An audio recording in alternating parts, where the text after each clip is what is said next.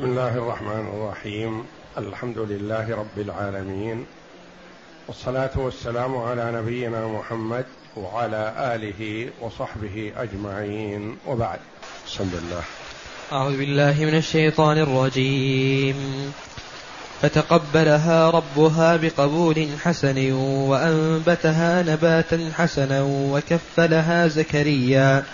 كلما دخل عليها زكريا المحراب وجد عندها رزقا. قال يا مريم أنى لك هذا؟ قالت هو من عند الله إن الله يرزق من يشاء بغير حساب.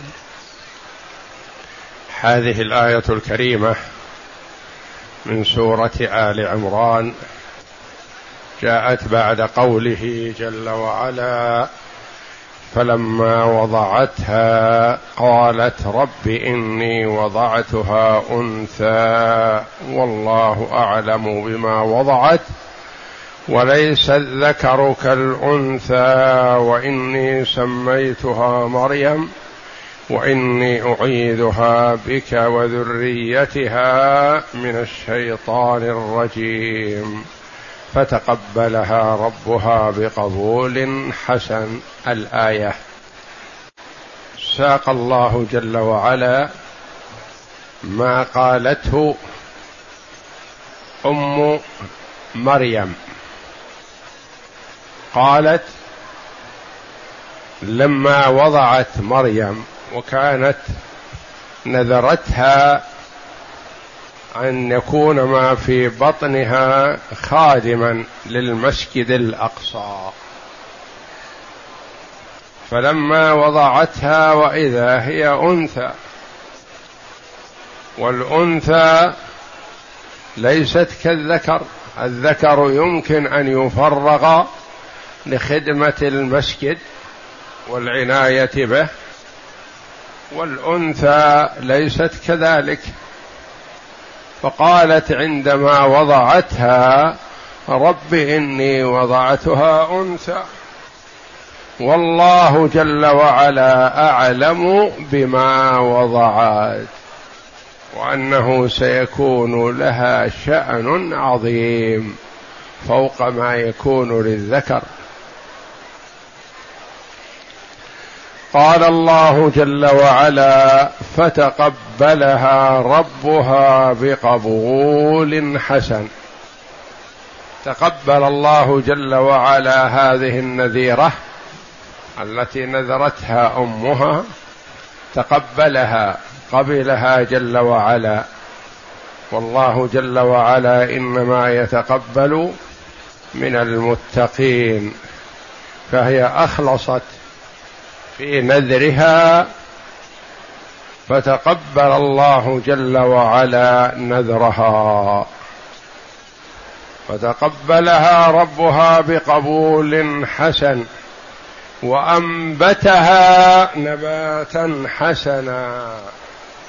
أنبتها في جسمها وخلقها وأخلاقها وصفاتها أنبتها نباتا حسنا.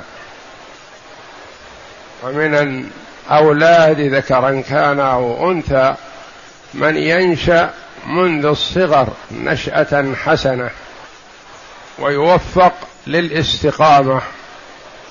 ومنهم من يكون بخلاف ذلك. فهذه مريم أنبتها الله نباتا حسنا وهيأ لها أسباب السعادة.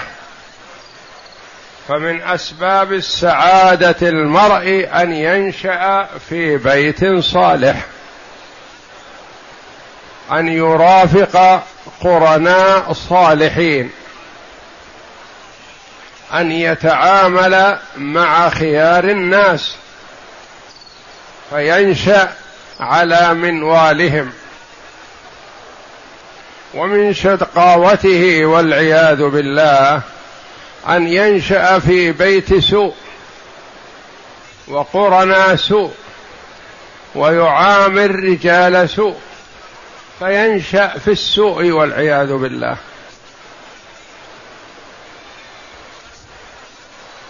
والولد حينما ينشأ ينشأ ويشب على ما تعود وما حوله.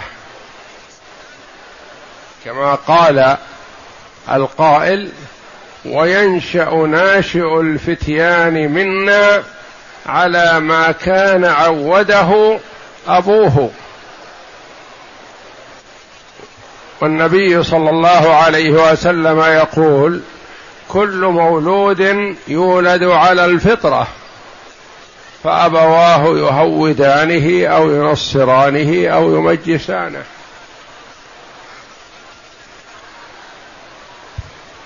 ويقول القائل إذا كان رب البيت بالدف ضاربا فشيمة أهل البيت كلهم الطبل. ينشأون على ما تعوده تعودوه من أبيهم ومربيهم. فمن توفيق الله جل وعلا للمرء أن ينشأ بين أناس صالحين سواء كان في بيت أبويه أو من يكفله من غيرهما.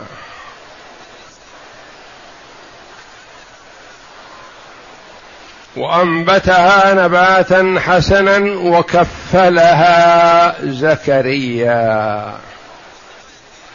زكريا والد يحيى عليهم الصلاة والسلام. فزكريا نبي ويحيى نبي.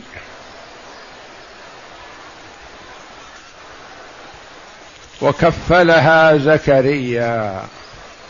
زكريا قيل هو زوج خالتها وقيل زوج أختها. لأنه جاء في الحديث الصحيح أن عيسى ويحيى ابني الخالة.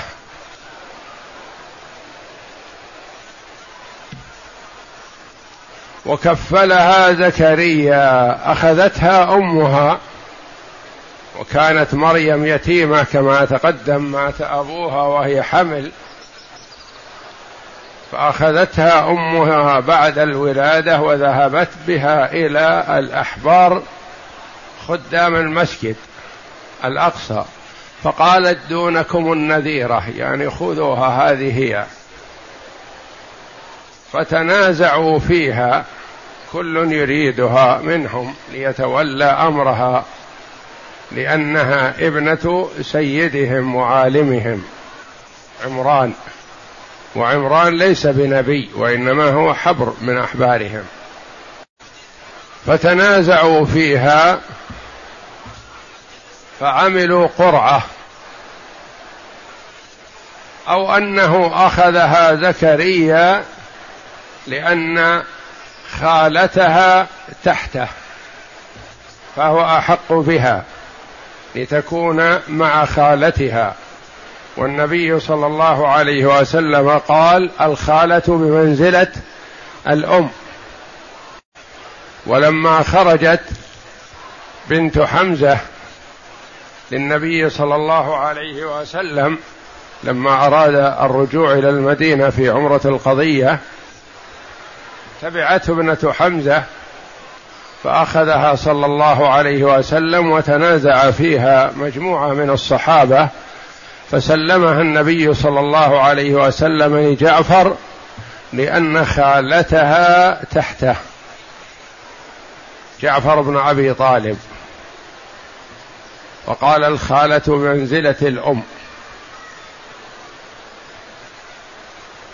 وكفلها زكريا صار كافلا لها ويتولى أمرها.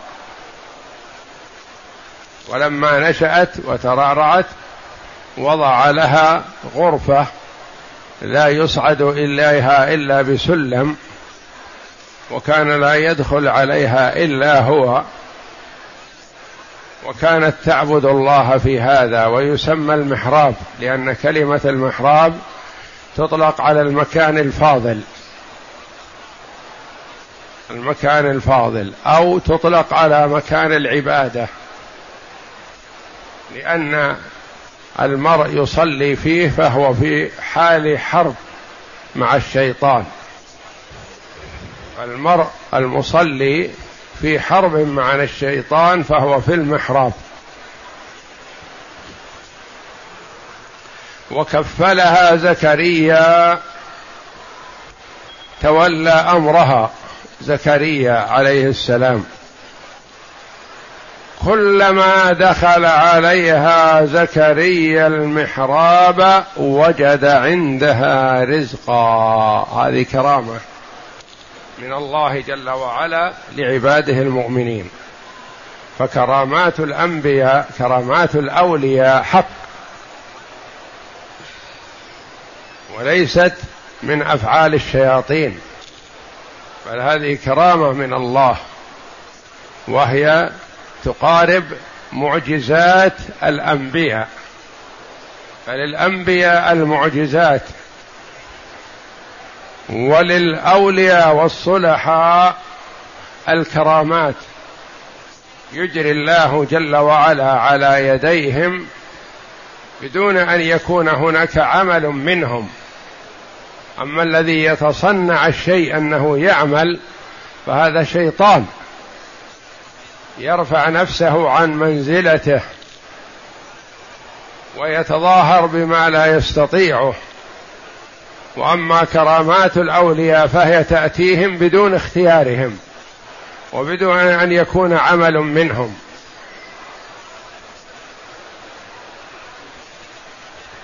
كما جاء أن حاكما ظالما أراد قتل ولي من أولياء الله بدون أن يباشر قتله. فجوع أسدا أياما. ثم أطلقه عليه.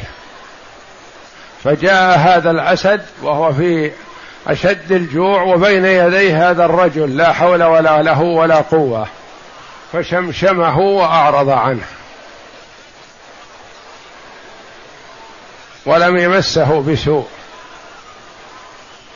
وقيل لهذا الرجل الصالح ما موقفك لما أقبل عليك الأسد؟ قال والله كنت أفكر لأنه شمشمني ومسني هل لعاب الأسد طاهر أو نجس؟ هل يلحق يلحق بلعاب الحيوانات الطاهرة أو يلحق بلعاب الحيوانات النجسة مثل الكلب والخنزير. وهو أسد. يقول ما همني يعني أنه يأكلني أو لا يأكلني بس هل هو طاهر أو نجس لعابه؟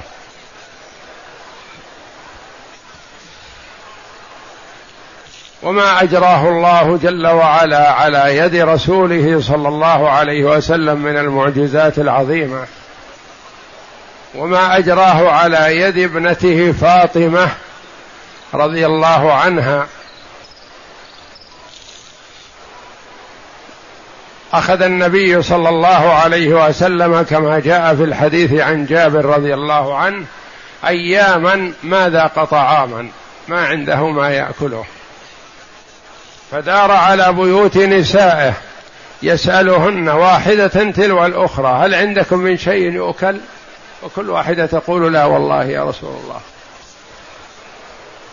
فخرج إلى فاطمة ابنته فقال يا بني هل عندك من شيء يؤكل؟ قالت لا والله بأبي أنت وأمي يا رسول الله ما عندي شيء. فانصرف صلى الله عليه وسلم منها وهو جائع. فأرسلت إلى فاطمة إحدى جاراتها برغيفين. وقطعة لحم. فقالت فاطمة اوثر بهذا رسول الله صلى الله عليه وسلم منذ أيام ما طعم. وهي وعلي والحسن والحسين كلهم في أشد الحاجة إليه. فأرسلت الحسن أو الحسين رضي الله عنهم إلى رسول الله صلى الله عليه وسلم يدعوه. فجاء عليه الصلاة والسلام وأخذت البرمة وقربتها رفعت الغطاء فبهرت. وجدت أنها ملأى بالخبز واللحم. بينما كان فيها اللي تعرف رغيفين وقطعة لحم صغيرة. فقال ما هذا يا بني؟ قالت هو من عند الله. إن الله يرزق من يشاء بغير حساب. فقال رسول الله صلى الله عليه وسلم الحمد لله الذي جعلك مثل سيدة نساء بني إسرائيل. مريم لما حينما يدخل عليها زكريا يجد عندها الطعام فيسألها من أين لك هذا فتقول هو من عند الله.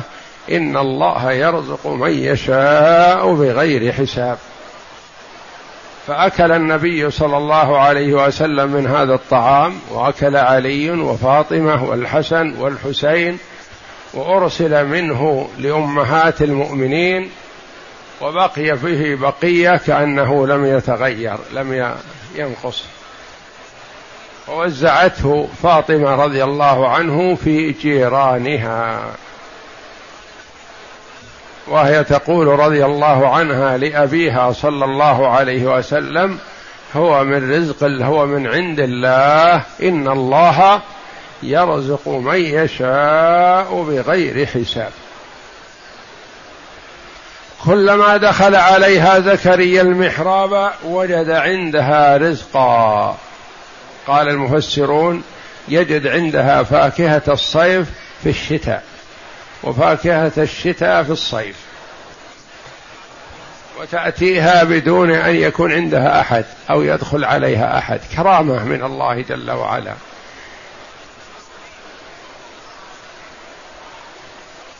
والله جل وعلا إذا شاء كرامة عبده أكرمه بما شاء. شيء فوق طاقة البشر وفوق ما يعقلون. فقد جاء أن إحدى النساء المؤمنات بالنبي صلى الله عليه وسلم خرجت مهاجرة من مكة إلى المدينة. وفي شدة الحر والشمس كادت أن تهلك. فبينما هي كذلك إذا دلو ينزل عليها من السماء فيه ماء بارد حلو فتشرب منه فيرتفع. طعمة من الله جل وعلا. وجد عندها رزقا قال يا مريم أنى لك هذا من أين هذا أتاك؟ وقد جاء أنه في مكان أنها في مكان ما يصل إليه إلا هو. لا يصعد إليه إلا بسلم. وهي تتعبد في هذا المكان. ولا أحد يصل إليها. فيأتي ويجد عندها الأرزاق والفواكه والطعام. أنى لك هذا. من أين أتاك؟ قالت هو من عند الله. ما أتاها به بشر. قالت هو من عند الله. ثم عللت قولها هو من عند الله بقولها إن الله يرزق من يشاء يعطي من يشاء بغير حساب بغير فعل منه. وبغير تفكير منه. وبغير توقع. يأتي الرزق من الله جل وعلا على الصفة والكيفية التي يريدها الله جل وعلا من غير أن يتوقع المخلوق ذلك. ويعطي الرزق الكثير الذي لا يدخله عد ولا حصر إذا شاء. إن الله يرزق من يشاء من عباده. بغير حساب بغير تأمل وتفكر وبغير عمل من المخلوق نفسه. فالله جل وعلا يجري الكرامات لأوليائه كيفما شاء سبحانه وتعالى. يخبر ربنا تعالى أنه تقبلها من أمها نذيرة وأنه انبت وأنه أنبتها نباتا حسنا أي, جعل أي جعلها شكلا مليحا ومنظرا بهيجا ويسر لها أسباب القبول وقرنها بالصالحين من عباده تتعلم منهم العلم والخير والدين فلهذا إذا قال أراد الله توفيق عبده هيأ له أسباب التوفيق والصلاح. فمن توفيق الله جل وعلا لها أن كفلها زكريا. فلهذا قال وكفلها زكريا بتشديد الفاء ونصب زكريا على المفعولية أي جعله أي جعله كافرا لها. قال ابن إسحاق وما ذلك إلا أنها كانت يتيمة وذكر غيره أن بني إسرائيل كان أبوها ميت كما عرفنا سابقا وهي حمل في بطن أمها. أبوها عمران. نعم. وذكر غيره أن بني إسرائيل أصابتهم سنة جدب فكفل زكريا مريم لذلك ولا منافاة بين القولين والله أعلم. وإنما قدر الله كون زكريا كفلها لساعدتها لتقتبس منه علما جما وعملا صالحا ولأنه كان زوج خالتها على ما ذكره ابن إسحاق وابن جرير وغيرهما. وقيل زوج أختها كما ورد في الصحيح فإذا بيحيى وعيسى وهو وهما ابنا خالة وقد يطلق على ما ذكره ابن إسحاق ذلك أيضا توسعا. يعني يصح أن زكريا زوج خالتها ويصح أن زكريا زوج أختها. فيصير يحيى وعيسى ابني ولدي الخالة. فعلى هذا كانت في حضانة خالتها وقد ثبت في الصحيح أن رسول الله صلى الله عليه وسلم قضى في عمارة بنت, بنت حمزة. أن تكون في حضانة خالتها امرأة جعفر بن أبي طالب وقال الخالة بمنزلة الأم ثم أخبر تعالى عن سيادتها وجلادتها في محل عبادتها فقال كلما دخل عليها زكريا المحراب وجد عندها رزقا قال مجاهد وعكرمه السدي. يعني وجد عندها فاكهة الصيف في الشتاء وفاكهة الشتاء في الصيف. وعن مجاهد وجد عندها رزقا أي علما والأول أصح وفيه دلالة على كرامات الأولياء. وفي السنة لها نظائر كثيرة. فإذا رأى زكريا هذا عندها قال يا مريم أن لك هذا؟ أي يقول من أين لك هذا؟ قالت هو من عند الله. إن الله يرزق من يشاء بغير حساب. عن جابر أن رسول الله صلى الله عليه وسلم أقام أياما لم يطعم طعاما حتى شق ذلك عليه. فطاف في, فطاف في منازل أزواجه فلم يجد واحدة منهن شيئا. فلم يجد عند واحدة منهن شيئا فأتى فاطمة فقال يا بنية هل عندك شيء آكله فإني جائع؟ قالت لا والله بأبي أنت وأمي. فلما خرج من عندها بعثت إليه بعثت إليها جارة لها برغيفين وقطعة لحم فأخذته منها فوضعته في جفنة في جفنة لها وقالت والله لأوثرن بها رسول الله صلى الله عليه وسلم على نفسي ومن عندي. وكانوا جميعا محتاجين إلى شبعة طعام فبعثت, فبعثت حسنا أو حسينا إلى رسول الله صلى الله عليه وسلم فرجع إليها فقالت بأبي أنت وأمي قد أتى الله بشيء فخبأته لك؟ قال هلمي يا بنية قالت فأتيته بالجفنة فكشفت عنها فإذا هي مملوءة خبزا ولحما فلما نظرت إليها بهت وعرفت أنها بركة من الله فحمدت الله وصليت على وصليت على نبيه وقدمته إلى رسول الله صلى الله عليه وسلم. فلما رآه حمد الله وقال من أين لك هذا من أين لك هذا يا بنية قالت يا أبتي هو من عند الله إن الله يرزق من يشاء بغير حساب. فحمد الله وقال الحمد لله الذي جعلك يا بنية شبيهة بسيدة نساء بني إسرائيل فإنها كانت إذا رزق الله شيئا وسئلت عنه. قالت هو من عند الله إن الله يرزق من يشاء بغير حساب. فبعث رسول الله صلى الله عليه وسلم إلى علي ثم أكل رسول الله صلى الله عليه وسلم وأكل علي وفاطمة وحسن وحسين وجميع أزواجه وجميع أزواج النبي صلى الله عليه وسلم وأهل بيته حتى شبعوا جميعا. قالت وبقيت الجفنة كما هي؟ قالت فأوسعت ببقيتها على جميع الجيران. وجعل الله فيها بركة وخيرا كثيرا. والله أعلم. وصلى الله وسلم وبارك على عبده ورسول نبينا محمد وعلى آله وصحبه أجمعين.